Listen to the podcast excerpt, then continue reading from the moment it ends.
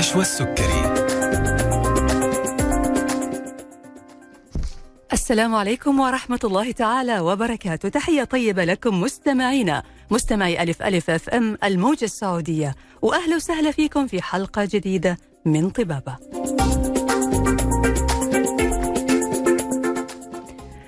أرحب فيكم أنا نشوى السكري من خلف المايك في حلقة جديدة من برنامجكم طبابة وموضوع طبي جديد. مثل ما عودناكم في كل حلقة من حلقات برنامجنا بنطرح موضوع طبي جديد بنتكلم عن أعراض الأمراض والمشاكل الصحية اللي ممكن نتعرض لها وإيش هي آخر المستجدات اللي بيتم استخدامها للتخلص منها وعلاجها.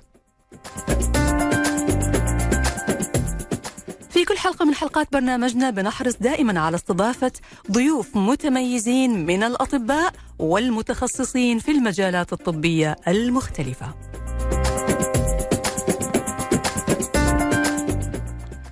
بإمكانكم مستمعينا الأعزاء التواصل معنا من خلال هاتف البرنامج 012 61 61 100 أو إرسال رسائلكم على واتس البرنامج 055 66 89 01 وأيا كان نوع جهازك أندرويد أو iOS بإمكانك تحميل تطبيق ألف ألف FM والتواصل معنا من خلال حساباتنا على مواقع التواصل الاجتماعي فيسبوك تويتر انستغرام واليوتيوب.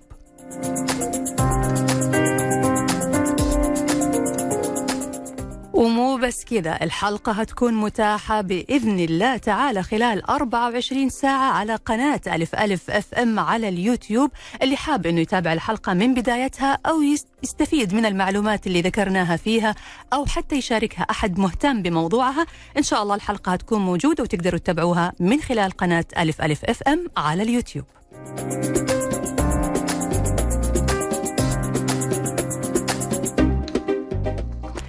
أما اليوم فإحنا موضوعنا موضوع مهم جدا للكثير من الرجال والنساء وتحديدا النساء.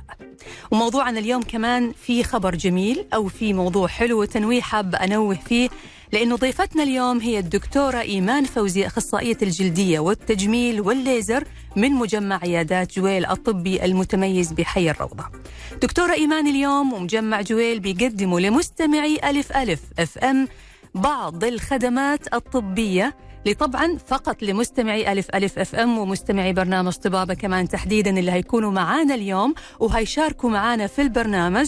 هتكون عندنا جلسة نضارة بال Dermapen هيكون عندنا جلسة فوتونا لنضارة وشد البشرة وإزالة التصبغات في جلسة تنظيف بشرة جلسة ليزر كربوني إبرة فيلر. انتبهوا ترى إبرة فيلر هذه يعني من أهم الخدمات ودائما تبحث عنها النساء.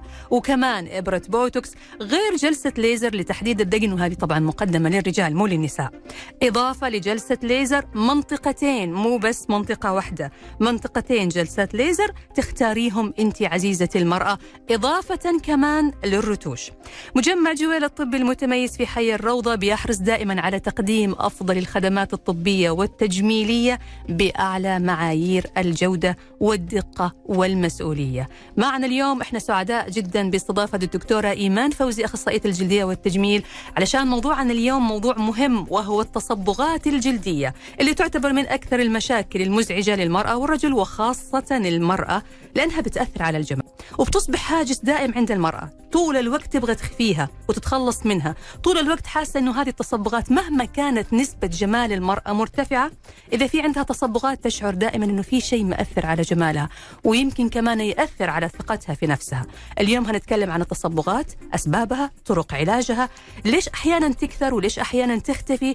إيش اللي إحنا ممكن نكون بنمارسه في حياتنا وبيخلي التصبغات تزيد بشكل أكبر؟ وإيش هي أبرز التقنيات وأهمها للتخلص من التصبغات؟ هذه الأسئلة وغيرها نطرحها على ضيفتنا اليوم الدكتورة إيمان فوزي أخصائية الجلدية والتجميل والليزر. أهلا وسهلا فيك دكتورة. أهلا دكتورة نشوى أهلا حياك الله دكتورة. طبعا دكتورة صراحة موضوع التصبغات موضوع مهم. يعني زي ما قلت إنه مهما كانت جمال المرأة أو أحيانا حتى الرجل يعني وجود تصبغات أو بقع أو إغمقاق في اللون في مناطق معينة من الجسم بيأثر علينا وبيضايقنا. فخلينا في البداية دكتورة نعرف ليش بتظهر التصبغات؟ إيش أسبابها؟ طيب آه بسم الله الرحمن الرحيم. طبعا ال- التصبغات بيعاني منها زي ما قلنا رجال ونساء وبتسبب نوع من أنواع الحرج. صحيح. يعني آه، بيكون كتير محرج ال- الشخص أو النساء بصفة خاصة آه، لو كان في وشها أو حتى في جسمها تصبغات. طيب ليه بتظهر التصبغات أو إيه أسبابها؟ طبعا إحنا عندنا التصبغات بتنقسم لتصبغات بتكون لها أسباب جينية أو وراثية وفي أسباب تانية بتكون أسباب مكتسبة. من ال- من حوالينا مكتسبة يعني إيه. آه نقول الأول الجينية والوراثيه قد تظهر آه مع الولادة وقد تظهر مع فترة البلوغ وممكن تظهر كمان بعد العمر بعد كده. آه، دي شوية بيكون شوية علاجها صعب لكن آه، لها برضو بعض ال- ال- ال- التصرفات ممكن إن إحنا إن إحنا نحاول إن إحنا نداريها أو كده تمام المكتسبة هي اللي بتقابلنا أكتر في حياتنا أو هي اللي موجودة في معظم الوقت في يومنا بنشوفها مم. ال- المكتسبة بقى لها أسباب كتير. السبب الرئيسي أو الشائع جدا اللي هي التصبغات اللي بتيجي بعد التهابات. بعد التهابات إزاي مثلا؟ يعني عندي مثلا آثار حب الشباب. لو في حبوب طلعت في البشرة بتسيب التهابات. لو في جروح سطحية بتسيب في التهابات. آه، لو في بعض ال- الأمراض اللي تيجي مثلا آه، بعد الولادة بعد الحمل يطلع تصبغات في كلف الحمل. آه، بعض الأدوية ممكن برضو ده مكتسب ممكن تسبب تصبغات. التعرض للشمس وده حاجة طبعا من الحاجات ال- السبب الرئيسي لظهور التصبغات ولو في تصبغات كمان بيكون سبب لزيادتها. اللي هو التعرض للشمس. تمام. آه، في عندي كمان بعض المأكولات والمشروبات التدخين دي كلها عادات مكتسبة ممكن إن هي تخلي في تصبغات تظهر في البشرة أو في الجسم. بعض المأكولات والمشروبات يعني ممكن يا دكتور إحنا ما نعرف إيش هي المأكولات والمشروبات اللي تخلي في تصبغات تظهر عندنا آه،. في الجسم مثلا هل مثلا حضرتك تقصدي إنه آه، شرب القهوة الأشياء الغامقة مثلا هل ممكن يكون لها تأثير التدخين برضو كمان ممكن يكون له تأثير آه التدخين أو النيكوتين بصفة عامة بيسبب ترسبات للتصبغات مم. آه، المنبهات زي الشاي القهوة النيكوتين آه، ده كله برضو بي- بيسبب تصبغات تمام مم. طيب هذه حضرتك ذكرتي كذا قلنا إنه في أشياء وراثية أو جينية وفي أشياء ممكن مكتسبة. تكون مكتسبة. طيب بعض الناس يا دكتورة ممكن يكون عندهم مثلا أمراض معينة الأمراض هذه بتنعكس بظهور بقع معينة أو تصبغات في الجلد. ده صحيح. مثل إيش؟ في مثلا عندي ال- الأنيميا. الأنيميا أحيانا اللي عندهم فقر دم ممكن يظهر لهم بعض بقع تصبغات غير الهالات السوداء اللي تحت العين. في. بيكون كمان تصبغات في البشرة والجسم. مم. آه، أمراض الكبد. أحيانا اللي بيبقى عندهم شوية خلل في الكبد بيبقى فيه. خلل هرموني مم. لما يكون في مثلا آه، آه، زيادة في بعض الهرمونات ده بيظهر على ال- الوش حبوب منع الحمل كمان بتأثر على الهرمونات فبرضه بتظهر الهرمونات الغدة الدرقية الغدة الكظرية في بعض ال- ال insulin resistance الناس اللي مقاومة الانسولين. مقاومة الانسولين من الحاجات اللي بتظهر كمان تصبغات. مم. عندي نوع تصبغات معين اللي هو ال cutaneous amyloidosis أو النشواني. آه، ده زي ترسبات بروتين بتكون موجودة على الجلد خاصة في الأكتاف بتبقى موجودة في الظهر. دي برضو تصبغات نتيجة مشكلة مرضية. مم. دي طبعا في البداية لازم نبص على السبب الرئيسي اللي هي المشكلة المرضية. ونشوف علاجها إيه. وممكن آه، في نفس الخط إن إحنا نعالج ال- التصبغات نفسها بطرق العلاج اللي إحنا هنذكرها إن شاء الله. جميل. طيب كذا إحنا تكلمنا عن أسباب التصبغات وقلنا ليش ممكن تظهر سواء كانت وراثية أو آه، بسبب آه، التهابات أو يعني مكتسبة أو حتى بسبب أمراض معينة داخل الجسم وهذه الأمراض انعكست على الجسم بهذه التصبغات أو بهذه البقع. خلينا الآن يا دكتورة ناخذ طريقة علاج كل نوع من هذه الأنواع كيف بيتم علاجها كيف بتبدأ أصلا خطة العلاج للتصبغات. وحضرتك يعني لما بيجيكي مريض طبعا أول حاجة كيف بتشخصي؟ آه، آه، بالضبط. سبب التصبغ هذا اللي موجود عشان بناء عليه تقرري إيش العلاج المناسب. بالظبط إحنا طبعا بنبدأ الأول إن إحنا نستبعد الأسباب المرضية إن كان في تحاليل معينة بتتعمل آه، أو مثلا آه، سؤال عن التاريخ المرضي في العيلة أو إن إحنا نكتشف السبب إيه. وده بيكون بيزقنا لقدام في طريقة الحل لمسافة كويسة. وبعد كده بالفحص ال- إحنا بالنسبة لنا دكاترة الجلدية عينينا هي ال- ال- الأدوات بتاعتنا والكشاف بتاعنا والعدسة بتاعتنا. آه، وفي أجهزة طبعا بتبين عمق التصبغ ولونه إيه وتقدر إن هي تساعدنا. مم. آه، أنا دلوقتي بنتكلم مثلا على التصبغات في الجلد في البشرة لأن أنا طبعا عندي في زي ما قلنا تصبغات بتكون حول العين تصبغات تانية بس أنا دلوقتي بتكلم على البشرة أول حاجة بنفحصها بنشوف عمق التصبغ ده إيه أو موجود في أي level أو في أي مستوى هل هو تصبغ سطحي أو تصبغ عميق أو اللي هو ال combined الاثنين مع بعض بيكون. عميق وسطحي في نفس الوقت كل واحد فيهم له طرق علاج معينة. يبقى أول حاجة هنعالج السبب السبب المرضي هو إيه وبعدين نشوف إحنا عندنا إيه أصلا اللي بيعمل تصبغ. في عندنا خلايا في الجلد موجودة ما بين طبقتين الجلد الرئيسيين أنا عندي البشرة والأدمة مم. الإبيديرمس والديرمس ما بينهم في آه، أو نقول في في في أعمق جزء من الإبيديرمس أو من البشرة في خلايا تصبغيه اسمها ميلانوسايتس. الخلايا التصبغيه دي عند الناس كلها بدرجات متفاوتة بتفرز ال- ال- اللون أو الصبغة أو الميلانين بصورة منتظمة وبصورة متساوية وده اللي بيجي إحنا بنقول عليه توحيد اللون مم. إن اللون ساعتها بيكون موحد آه، في type 1 type 2 type 3 طبعا لغاية type 6 لون البشرة حسب درجة نشاط التصبغ ده واللي هو اللي بيدي لون البشرة بتاع الشخص طيب لو ال- ال- جالنا بقى مشكلة مرضية أو كده أو نقول أول حاجة مثلا زي تعرض للشمس. فده بيسبب إن يزود نشاط الخلايا التصبغيه دي. فتبدأ إن هي تفرز بزيادة في بعض أماكن اللي هي أماكن التعرض للشمس اللي هي البشرة الوش مثلا لو البنت محجبة آه، اللي هي مثلا ال- الإيدين آه، عند الكم مثلا نص كم لا تلاقي إيديها كلها فيها تصبغات. دي إحنا بنسميها التصبغات السطحية. التصبغات السطحية علاجها بيكون سهل جدا وممكن لو ما تعالجتش ممكن تروح لوحدها. يعني مم. بس طبعا بتاخد وقت. تمام. لكن إحنا علشان نصرحها إحنا بيكون هدفنا الرئيسي هنا إن إحنا ممكن نشيل طبقة ال- الطبقة السطحية دي ساعتها هي هت- هتتخلص من الصبغه. تشيل الطبقة السطحية له كذا طريقة يعني ممكن إن إحنا بالكريمات ممكن آه، إن إحنا مثلا آه، نعمل لها آه، زي تقشير سطحي بالكريم أو تقشيرات في العيادة بال- بالمواد من ابتداء من التقشير الكيميائي إلى البارد حسب درجة لون البشرة. ممكن مثلا تقشيرات بأجهزة الليزر. ممكن بصورة ما إحنا مجرد ما الطبقة دي تتشال مجرد ما اللون بيرجع لطبيعته. جميل.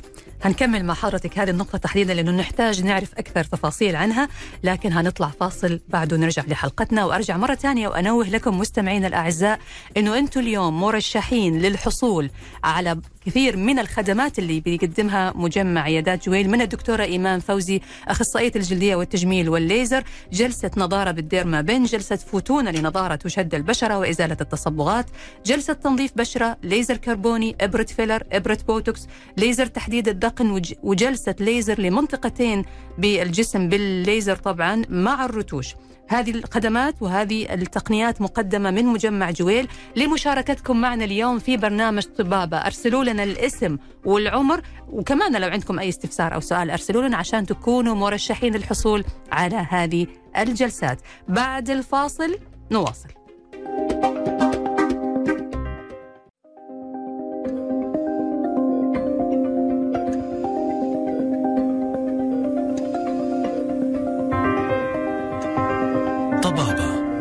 مع نشوى السكري ورجعنا لكم مرة ثانية مستمعينا الأعزاء لبرنامج طبابة على إذاعتكم ألف ألف أف أم الموج السعودية مع ضيفة حلقتنا اليوم الدكتورة إيمان فوزي.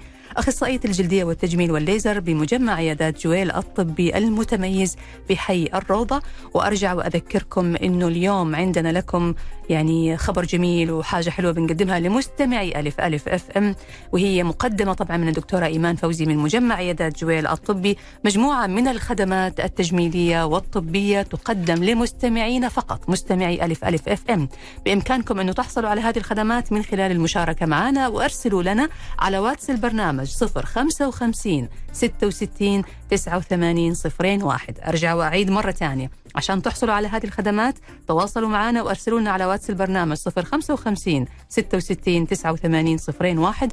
وأذكر الاسم لما ترسل لنا على الواتس. موضوعنا اليوم عن التصبغات أسبابها وطرق علاجها وكيف ممكن نقي أنفسنا منها مع ضيفة حلقتنا الدكتورة إيمان فوزي. برحب فيكي مرة ثانية دكتورة إيمان. دكتورة نشوى حبيبتي الله يسلمك. قبل الفاصل دكتورة كنا بنتكلم عن أنواع التقنيات أو الطرق المستخدمة لعلاج آه، التصبغات وخاصة التقشير. حضرتك قلتي أنه إحنا بنستخدم كريمات بنستخدم أجهزة ممكن نستخدم الليزر يعني حابين نعرف أكثر عن هالموضوع بتفصيل أكثر. وطبعا موضوع التصبغات موضوع متشعب. فيعني إحنا كنا بدأنا بالحديث عن التصبغات السطحية. مم. واتكلمنا على إن التصبغات السطحية اللي بيكون سببها قلنا الشمس أو سببها مثلا كريم خاطئ أو سببها آه، مثلا حب شباب أو جروح أو حاجات سطحية. زي ما قلنا دي ممكن آه، لوحدها تروح. وممكن إن إحنا لو عايزين نسرع الموضوع نستخدم التقشير. تمام. آه، طرق التقشير زي ما قلنا في كريمات طبعا بتستخدم للتقشير. آه، زي الكريمات مثلا اللي فيها كلمة acid يعني ال azelaic acid salicylic acid lactic acid mandelic acid. آه، كل دي حتى بنحبها في السطحي عن كريمات التفتيح أو التبييض أو إزالة الصبغة. آه، لأن كريمات إزالة الصبغة يعني طبعا استخدامها الكتير والخاطئ بيؤدي لي نتيجه عكسية وهي إزالة الصبغة. وأنا الصبغة دي ببقى عايزاها يعني الصبغة دي مفيدة للجسم طبعا مم. هي بتحميه من حاجات تانية كتير يعني. آه، فعشان كده إحنا بنفضل اللي هو التقشير الخفيف والسطحي. تمام. لو إحنا مستعجلين أو مش عايزينها تطبع في الجلد. ومنها زي ما قلنا الكريمات اللي هي فيها الأسيد. طيب ال- العميلة مثلا أو ال patient عايزة حاجة أسرع شوية فممكن بتلجأ للعيادة أو ال clinic بنعمل إحنا تقشيرات سطحية. بتكون طبعا آمنة جدا ومعدلة بطريقة إن هي ما تضرش الجلد. وحسب لون البشرة تمام آه، لو لون البشرة فاتحة لكن عندها قشور خفيفة آه، عندها لون خفيف أو كده يبقى ممكن نعمل لها الكيميائي لكن طبعا البشرات الغامقة ودي اللي موجودة في الشرق الأوسط والخليج وكده بنفضل لها نوع من أنواع التقشير الآمن الخفيف السطحي اسمه التقشير البارد مم. ده عادة لو است- تبعت التعليمات أو تبع التعليمات اللي بعد الجلسة ما بتشوفش منه مشاكل مم. في عندي وسائل تانية هو بالليزر معلش دكتورة التقشير البارد هذا إيش الفرق بينه وبين التقشير الكيميائي؟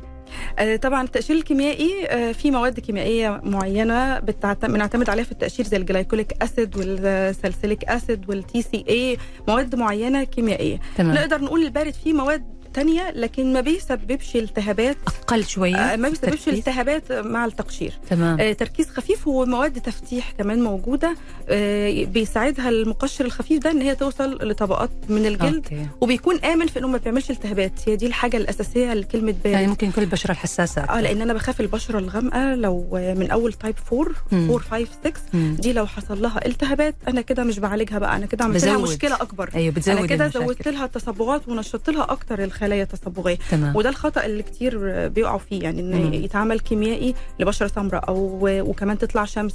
بتسوء الحالة معاها. مهم. أو تكون تصبغات عميقة واعمل لها تقشير مم. بالعكس ممكن تظهر أكتر. أظهرها أنا اطلعها. للبشرة آه، أو أطلعها أنا أنا عملت تقشير عملت ليزر وظهرت التصبغات. بتكون ساعتها تصبغات عميقة زي ماسك الكلف أو كلف الحمل أو كده ده بيكون عميق. مم. حتى لونها بيكون متغير يعني دايما السطحية بتبقى لونها شوية كافيه كده خفيف فاتح بني فاتح. العميقة دايما تدي على اللون الرمادي أكتر أو الأزرق. مم. وفي طبعا ال mix مم. فإحنا أحيانا أحيانا بنلجأ إن إحنا الأول نعمل التقشير السطحي عشان نتخلص من السطحية وبنعرفها نقول لها هتشوفي في الأول اللون شوية زاد. بعد كده نبدأ نشتغل على التصبغات العميقة وهقول لك علاج التصبغات العميقة بيكون عامل إزاي جميل. طب هي طبعا مشكلة طبعا علاج التصبغات شوية إن هو بياخد وقت. فلازم ال patient يبقى عارف إن هو مش يوم وليلة هيعالج التصبغات. يعني أنا ممكن أدي علاج للحباية خلال كام يوم تروح ممكن جرح واحط الكريم لا يختفي. مم. آه، فطريات اديها العلاج بتاعها كام يوم وتخف. لكن التصبغات من الحاجات اللي هي بتاخد وقت في العلاج. تمام. لأن أنا باخد وقت على ما أوقف شوية نشاط الخلايا التصبغية. على ما أشيل الصبغة اللي هي اتحطت في الجلد ده بياخد وقت. مهم. وعلى ما يتجدد البشرة كمان من جديد بتاخد حوالي من شهر لشهر ونص عشان تتجدد. فحسب بقى طبقات التصبغات دي موجودة فين. تمام. آه نرجع تاني للتقشير في عندي بقى تقشير بالليزر. آه تقشير الليزر في أنواع من الليزر بتعمل تقشير وهي آه خاصة أجهزة ال fractional fractional سواء fractional CO2 أو fractional erbium الأجهزة دي ablative شوية بتعمل تقشير آه، بدرجات متفاوتة. طبعا ال erbium خفيف ال CO2 شوية أقوى. آه، دي لما بتعمل تقشير بتشيل الطبقة السطحية فبتشيل التصبغات اللي هي موجودة على سطح البشره بعكس التصبغات العميقة لها أجهزة تانية مختلفة عن الجهاز ده. فننتقل للعميقة. طبعا ننتقل للعميقة. بس قبل ما ننتقل للعميقة ال- عدد الجلسات يا دكتورة اللي بيتم استخدامها لعلاج التصبغات. يعني حضرتك قلتي حاجة مهمة جدا وهي إنه آه، في لون البشرة بيحدد للدكتور إيش التكنيك أو التقنية اللي يتم آه، استخدامها بالظبط وغير كده كمان عمق التصبغات. وكم يعني بالنسبة للمريض اللي عنده تصبغات بتعرف لأنه في الغالب تعرفي حضرتك يعني اللي عنده تصبغات بيعرف أنا كم جلسة. وهل بعد الجلسات هذه هتختفي التصبغات ولا هتخف؟ وهل ممكن ترجع مرة ثانية؟ جميل الاستفسار ده لأنه دايما معانا في العيادة. نفس السؤال ده معانا على طول. تقريبا. آه أنا دلوقتي عندي ال patient الموجودة في حد عنده عمل يومي وبيتعرض للشمس. آه في حد تاني مثلا آه آه، لأ آه آه قاعد في البيت ما بتخرجش من البيت. في حد لا ده أنا هسافر الأسبوع الجاي. فانا طبعا باخد ظروف المريض اللي قدامي بحطها في الاعتبار لأن أنا التقشير ده له instructions معينة وتعليمات لازم يتبعها بعد ما بيعمله. إن هو ممنوع تعرض مباشر للشمس لأيام محددة بعد الجلسة سواء تقشير سواء ليزر سواء حتى كريمات. في كريمات ممنوع معاها التعرض للشمس. آه، فأنا باخد كل ده في الاعتبار ده اللي بنحدد بالمدة. طيب أنا عندي تصبغات سطحية. التصبغات السطحية عشان تتجدد البشرة بتاخد حوالي شهر. مم. طيب أنا بقول مثلا لل- لل- لل patient اللي قدامي آه انت ظروفك إيه؟ ممكن تمشي على كريمات وناخد مثلا ست شهور. ممكن نمشي على mixing وطبعا من أفضل طرق علاج التصبغات إن أنا أعمل خليط ما بين كذا حاجة. مم. يعني ناخد كريمات ونعمل تقشير آه، ولو عندي عميقة لا هناخد كمان إبر. لا هندمج كذا تقنية مع بعض. ده بيكون أفضل كتير يعني لا وده بيلاحق التصبغات زي ما بيقولوا. فالمده كده بتختلف من شخص لآخر. شخص مستعجل أنا لا عروسة بعد مثلا شهرين ثلاثة لا يبقى انت هنكثف الجلسات. آه، وطبعا أنا ضد إن التقشير آه، يبقى فترات متقاربة. لازم الجلد يلتئم ويتعافى تماما وده طبعا ما لا يقل عن شهر. ما لا يقل عن شهر. و- بين الجلسة والجلسة. آه فإحنا ممكن بقى ندخل حاجات تانية في الشهر ده هنتكلم عنها. بقى. هنتكلم عنها وهنتكلم كمان الآن عن التصبغات العميقة. وندخل لمناطق ثانية موجودة في الجسم برضو بيكون فيها تصبغات أو فيها إغمقاق في اللون. هناخذ هذه التفاصيل بس أرجع قبل الفاصل أذكركم أنه اليوم عندكم فرصة للحصول على خدمات مجانية وخدمات تجميلية مقدمة من الدكتورة إيمان فوزي بمجمع عيادات جويل الطبي. أرسلوا لنا على واتس البرنامج. والله حابة الكل يشارك عشان الكل يستفيد. فرصة اليوم من الدكتورة إيمان ومن مجمع آه، عيادات جويل. عندكم جلسة نضارة بال derma pen جلسة فوتونا لنضارة تشد البشرة تنظيف بشرة ليزر كربوني إبرة فيلر إبرة بوتوكس ليزر تحديد دقن للرجال جلسة ليزر منطقتين زائد الرتوش. كل هذه الخدمات وغيرها تقدم لمستمعي ألف ألف أف إم وفقط مستمعي ألف ألف أف إم وبرنامجنا طبابة. فاصل ونواصل.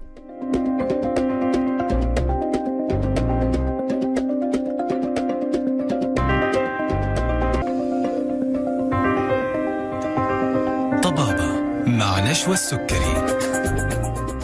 حياكم الله من جديد. مستمعينا الأعزاء وأهلا وسهلا فيكم في برنامجكم طبابة على ألف ألف أف أم الموجه السعودية. ومع ضيفة حلقتنا اليوم الدكتورة إيمان فوزي أخصائية الجلدية والتجميل والليزر بمجمع عيادات جويل الطبي المتميز بحي الروضة. واليوم الدكتورة إيمان شرفتنا ومعاها مجموعة من الخدمات ومن الجلسات التجميلية المقدمة لمستمعينا مستمعي ألف ألف أف أم وبرنامج طبابة. أرجع أذكركم مرة ثانية أبغى الكل يشارك وأبغى الكل يستفيد من هذه العروض. آه، اللي عندنا اليوم في جلسة نضاره بال derma pen فوتونا جلسة تنظيف بشرة ليزر كربوني إبرة فيلر بوتوكس تحديد دقن. آه، جلسة ليزر منطقتين مع الرتوش. كل هذه الخدمات وهذه الجلسات مقدمة من مجمع جويل الطبي المتميز. شاركونا على واتس البرنامج 055 66 89 01 أرسل الاسم العمر وإذا عندك برضو سؤال أو استفسار أرسل لنا إياه وشاركنا في البرنامج وإن شاء الله تكونوا كلكم من المستمعين اللي راح يحصلوا على هذه الخدمات المقدمة من مجمع عيادات جويل. أرحب فيكي مرة ثانية دكتورة إيمان. أهلا وسهلا. طيب دكتور إحنا كده تقريبا انتهينا من التصبغات السطحية وقلنا التقشير. خلينا الآن ندخل على يعني منطقة أخرى من الجسم ونتكلم عن التصبغات العميقة. تمام. التصبغات العميقة اللي هي زي ما قلنا بتكون موجودة في البشرة ال- في الطبقة اللي تحت اللي هي بشرة الأدمة. تمام. دي بيكون لها طبعا أكتر اللي هي الأسباب الهرمونية أسباب مرضية زي ما قلنا اللي هي أسباب الغدة أمراض الكبد. ودي بتكون نفس الخلايا التصبغية نشطة بزيادة ونقلت التصبغات لطبقة عميقة. مم. دي طبعا بقى لو إحنا بعضها حليناه بالطرق اللي هي علاج البشرة السطح التصبغات السطحية ممكن يحصل مشاكل يعني آه، زي مثلا زي ما قلنا إنه نعمل التقشير فتظهر التصبغات أكتر أو نهيج أكتر ال- الخلايا التصبغية. آه، أنا دلوقتي عايزة أوصل لطبقة عميقة فيعني آه، أبسط الأشياء اللي أنا أقدر أوصل لها بيها إن أنا أبدأ إن أنا أحقنها. الإبرة تقدر توصل لطبقة ال- الادمه تمام طيب هنحقنها إيه. ففي عندنا بقى مواد آمنة جدا إن هي تتحقن في البشرة وتشيل التصبغات اللي موجودة دي مع الحفاظ على إن الخلايا التصبغية نفسها موجودة وما بتأثرش عليها مم. آه، منها مثلا آه، مواد زي الجلوتاثيون حقن موضعي مش إبرة تبييض مم. جلوتاثيون حقن موضعي آه، في منها برضو زي ال- ال tranexamic acid آه، في ال- ال- برضو ال- ال alpha arbutin الفيتامين سي آه، مواد كتير جدا جدا جدا آه، إحنا بنحقنها تسبب لي آه، تفتيح المنطقة وإزالة تصبغات تمام آه، في عندي طبعا حقن البلازما مم. وفي عندي حقن الخلايا الجذعية هي طبعا مجازا خلايا جذعيه لكن هي في الحقيقة عبارة عن growth factor عامل نمو بتجدد لي المنطقة دي فبتشيل لي التصبغات الموجودة أثناء تجديد المنطقة مم. آه، أحيانا طبعا لو تصبغات mix عميقة وسطحية بنعمل زي ما قلنا التقنيتين مع بعض. لكن بنعرفها إن إحنا ممكن مع التاشير تظهر التصبغات بعدين نبدا نبدأ إن إحنا نحقن ونعالج التصبغات العميقة. تمام. يعني حضرتك هنا بتقولي إنه لما بتكون التصبغات عميقة بتاخذوا لها عدة آه، أساليب علاجية ممكن تبدأوا الأول بتقشير خارجي ثم بتبدأوا بعد كده بالدخول على المناطق العميقة. وممكن مع بعض يعني وممكن مع على بعض. حد أيوه. من خلال الحقن هذا الحقن بيخفف من الصبغات أو من مادة الميلانين اللي مسببة هذا التصبغ بس. طبعا لازم يكون دكتور هو اللي بيعمل هذا الشيء مو أي أحد ده ده أكيد طبعا لازم دكتور يعني آه أنا برضو كان يعني ليا comment على بعض ال patient. تيجي العيادة. آه تقول تحدد هي عايزة إيه يعني مثلا تقول إيه أنا أنا عايزة أعمل تقشير طب انت تصبغاتك عميقه أصلا يعني يعني مدية ظل صحيح على البشرة الخارجية لكن البشرة الخارجية ما فيهاش حاجة. مم. يعني هي مش سطحية مش نمش من مش مش لون خفيف لا ده هي عميقة في طبقات عميقة. هتعملي تقشير لا طب أنا جاية عايزة عشان صاحبتي استفادت من المعالجة الفلانية عملت الليزر الفلاني وتحسن معاها فأنا عايزة أعمل زيها. مم. لا طبعا. آه، أجهزة الليزر بقى اللي بتأثر أو بتعالج التصبغات العميقة التقنية بقى مختلفة عن ال fractional erbium أو CO2 إحنا عايزين حاجة بقى يبقى هدفها التصبغات. ال chromophore بتاعها أو الهدف بتاعها التصبغات ودي هي أجهزة ال ND:YAG ليزر وخاصة ال Q-switch ليزر. طبعا إحنا دكتورة ما نعرف المسميات هذه إحنا بنروح للعيادة. آه الناس مثلا آه، بيقولوا الاسم الشائع بيقولوا عليه اللي هو الليزر الكربوني. آه ليزر آه الكربوني. مثلا وفي مم. بقى منه اللي هو ال pico بتقنيه ال pico أو اللي هو جهاز ال PicoWay. مم. آه في عندي جهاز ال Fotona.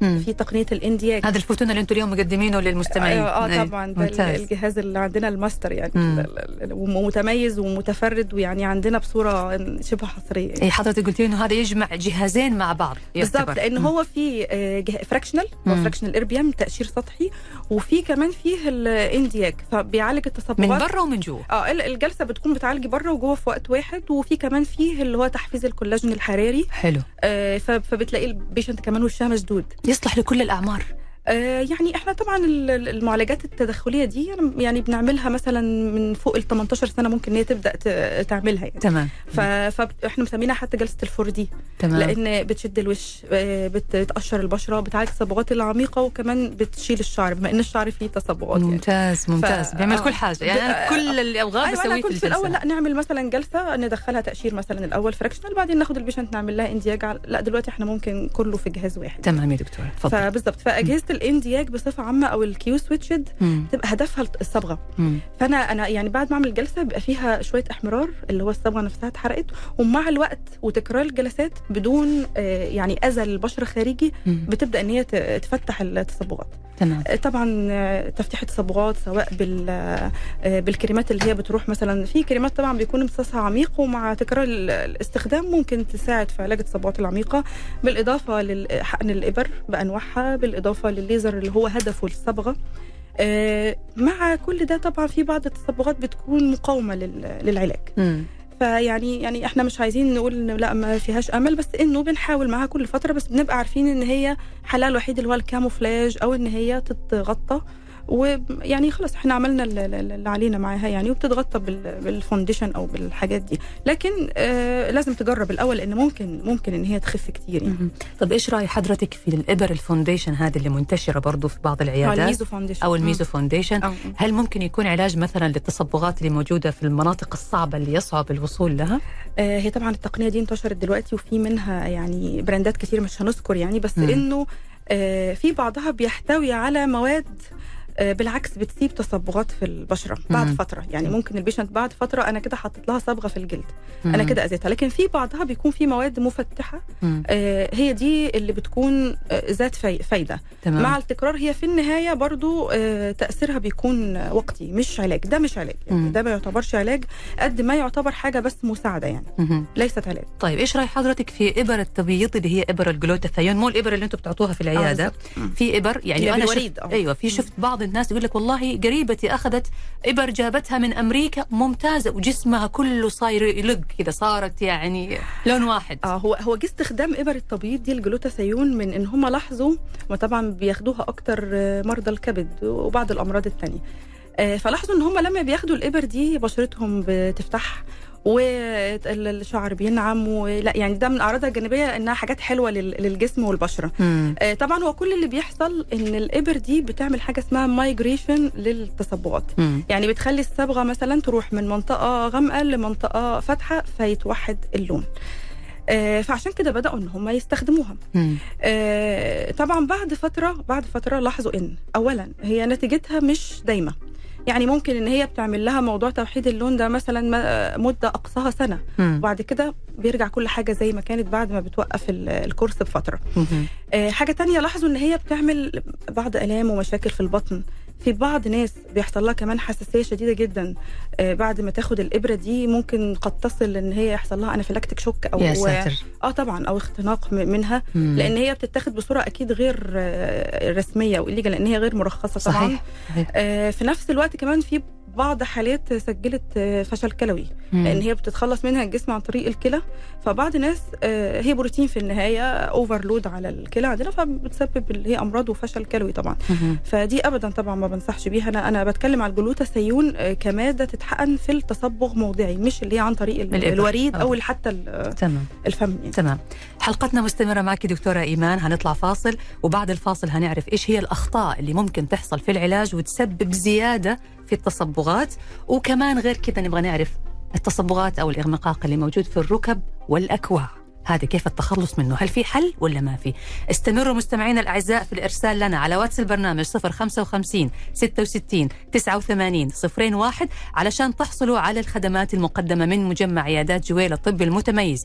نضارة بشرة بالديرما بن جلسة فوتونا تنظيف بشرة ليزر كربوني فيلر بوتوكس تحديد دقن وجلسات ليزر إزالة الشعر. كل هذه الخدمات لمستمعي ألف ألف أف أم وبرنامجنا طبابة. فاصل ونواصل.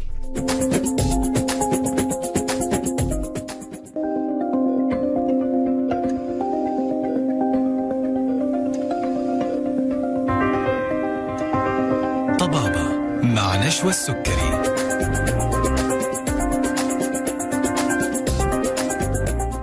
ويا هلا ومرحبا فيكم مستمعينا الأعزاء. أحييكم مرة ثانية في برنامجكم طبابة على ألف ألف أف أم. مع ضيفة حلقتنا الدكتورة إيمان فوزي أخصائية الجلدية والتجميل والليزر من مجمع عيادات جويل الطبي المتميز. وأحب أطمنكم إنه كل اللي أرسلوا لنا ما شاء الله تبارك الله على الواتس راح تدخلوا معنا إن شاء الله في السحب للحصول على الجوائز المقدمة من مجمع عيادات جويل. عبارة عن جلسات طبية وتجميلية لكل مستمعي ألف ألف أف إم. مو بس كمان ببرنامج طبابة بس كل مستمعينا اليوم.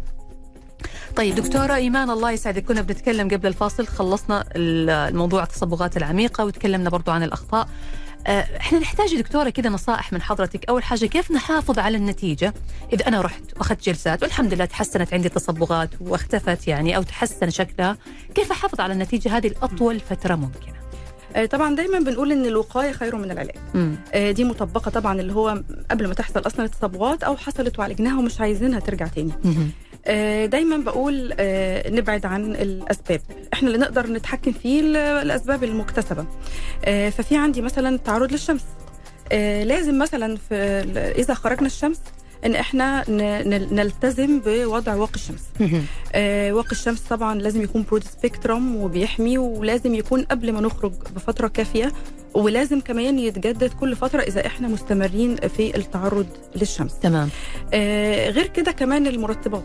مم. دايما استخدام المرطبات بيساعد البشرة على إن هي آه، ما يحصلش فيها جفاف وبالتالي ما يحصلش فيها التهابات وبالتالي ما يحصلش فيه آه، تصبغات. تمام. العلاج المستمر للمشاكل الصحية يعني مم. مثلا لو في حبوب طلعت لا تتعالج على طول عشان ما تسيبش أثر آه، في مثلا مشاكل زي ما قلنا في من أسباب التصبغات زي الأنيميا زي مشاكل معينة في ال- المعدة في الأكل في الشرب دي طبعا نبعد عنها.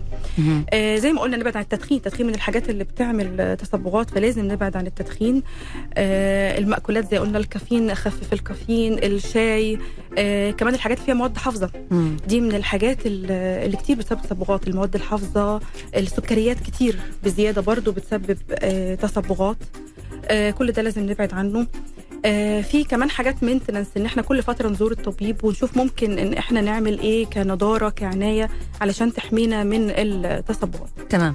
طيب إيش رأيك يا دكتورة في فيتامين سي؟ هذا اللي بينباع بعض الناس بيروح يجيبوا هذه ال- اللي هي ال derma roller ويحطوا معها فيتامين سي على الوجه ويشتغلوا يقول لك إنه هي بتبيض ال- البشرة وبتعمل لها نضارة. طيب خلينا متفقين إن الفيتامين سي هو مش مبيض يعني هو فيتامين سي حاجة antioxidant. مضاد للأكسدة.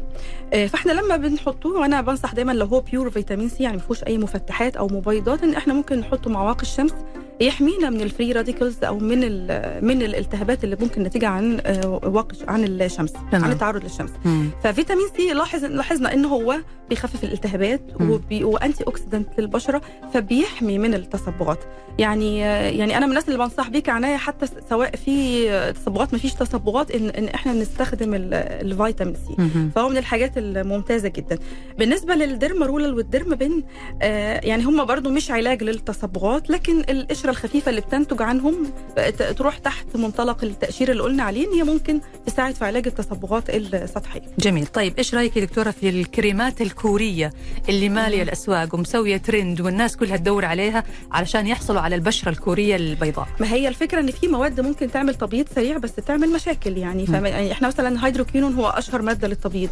مش كل الناس بيناسبها الهيدروكينون لأن الهيدروكينون إذا استخدم بطريقة خطأ ممكن يعمل فبالعكس ممكن يعمل التهابات مم. وتقشير ويهيج البشره أكتر ويعمل لي تصبغات أكتر. مم. ممكن إذا وقفته فجأة يعمل لي تصبغات زيادة. هم بيعتمدوا أكتر على المواد المقشرة. طب فرضا هو مواد مقشرة والتصبغات أصلا عميقة. فكده برضو مش هيكون علاج. فطبعا الجري وراء المنتجات بدون استشارة الطبيب أكيد ده حاجة مش مظبوطة يعني. فطبعا في النهاية لازم استشارة الطبيب. تمام. طيب دكتورة ناخذ بعض الأسئلة اللي جاتنا قبل ما يعني تنتهي الحلقة. آه في سؤال يقول عندي شامة في الوجه بس ملاحظة إنه عندي مثلها سطحية في أماكن كثيرة في الجسم. هذه كيف علاجها؟ طبعا شامه دي يعني معناها موجودة من الولادة تقريبا أو بعد خلال سنتين ثلاثة من من الولادة. هل تعتبر تصبغات هذه؟ الشامات دي تصبغات. طبعا في ال- ال- ال- الشامات اللي هي التصبغات الوراثية إحنا عادة ما بنحبش إن إحنا كتير آه، نعمل لها حاجة أو نتدخل معاها في حاجة لأن إحنا ممكن نشيل الصبغة لكن نفس الخلايا موجودة بنشاطها هتعمل تاني من جديد وترجع تاني من جديد. تمام. بعض الأحيان بتبقى الناس مضايقاها جدا لو في مكان زي الوش أو كده فبنشيلها بس بنعرفها إن في احتمال إن هي طبعا ممكن ترجع تاني. يعني دي لا تعتبر تصبغات مرضية يعني لا تعتبر. تمام. طيب دكتورة آه في حمض موجود اسمه حمض الفواكه. مم. هذا الحمض في بعض الناس يقول لك أبغى يعني يطلبوه بالاسم أبغى حمض الفواكه. هل ممكن يستخدموه الناس بشكل طبيعي؟ ما هو إحنا حمض الفواكه الاحماض اللي إحنا اتكلمنا عنها في الأول إن مم. هي بتعمل تقشير. دي هتفيدهم لو التصبغات سطحية. مم. أو سببها التهابات أو سببها حب شباب أو, أو آثار. تمام. آه، ده نفس نفس الفكرة التقشير. أحماض الفواكه اللي أنا قلت آخرها acid. glycolic acid TCA أيوة. هي نفسها. لكن برضه ما ينفع استخدامه بشكل فردي. لازم طبعا لازم. الدكتور. يعني ممكن تستخدمها مثلا لو تطلع شمس. مم. والأمور تسوء أكتر. مم. ممكن تكون استخدامها مع بشرة حساسة يكون غلط. مم. ممكن تكون محتاجة بعضها كريمات مرطبة أو كريمات لالتئام الجروح أو كده يعني مش استخدامها برضو الخاطئ غلط. تمام. طيب سؤالي دكتور يقول عندي حساسية أو هي تقول عندي حساسية من صبغات الشعر ما أدري إيش الحل وأحس إنه هي بتسبب لي التهابات. آه طبعا في ناس إحنا دايما كنا الصبغه بنقول لهم إيه بتعمل test الأول أو اختبار.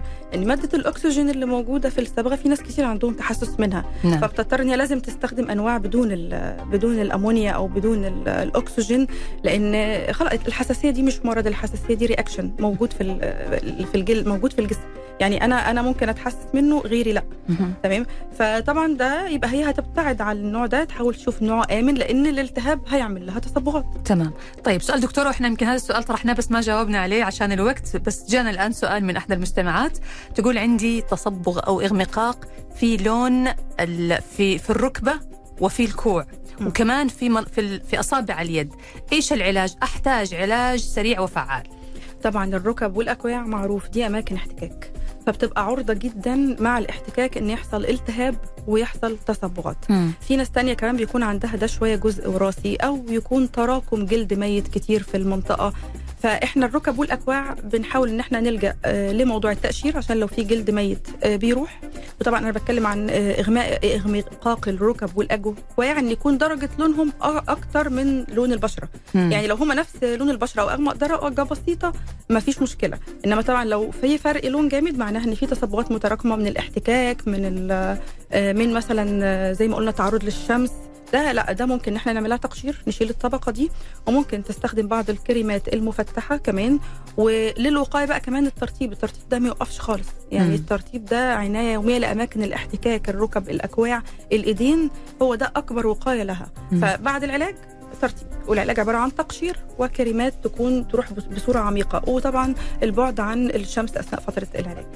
لكن ممكن دكتورة التخلص من إغمقاق الأكواع الأكواع والركب within limit بدرجة في حدود معينة, معينة. آه بالظبط مم. طيب ناخذ هذا السؤال دكتورة كمان يقول أسأل الدكتورة إيمان إذا ممكن إذا البوتوكس ينفع للمرضعة لا طبعا البوتوكس ممنوع تماما أثناء الرضاعة لأن دي وطبعا خارج موضوعنا لكن ما فيش مشكلة. آه ال- البوتوكس ده botulinum toxin دي مادة بروتينية بتطلع في الحليب تنزل في الحليب. مم. فطبعا ممكن إن هي تأثر على البيبي بشكل أو بآخر يعني. مهم. فطبعا لا طبعا ده غير مستحب تماما مع الرضاعة.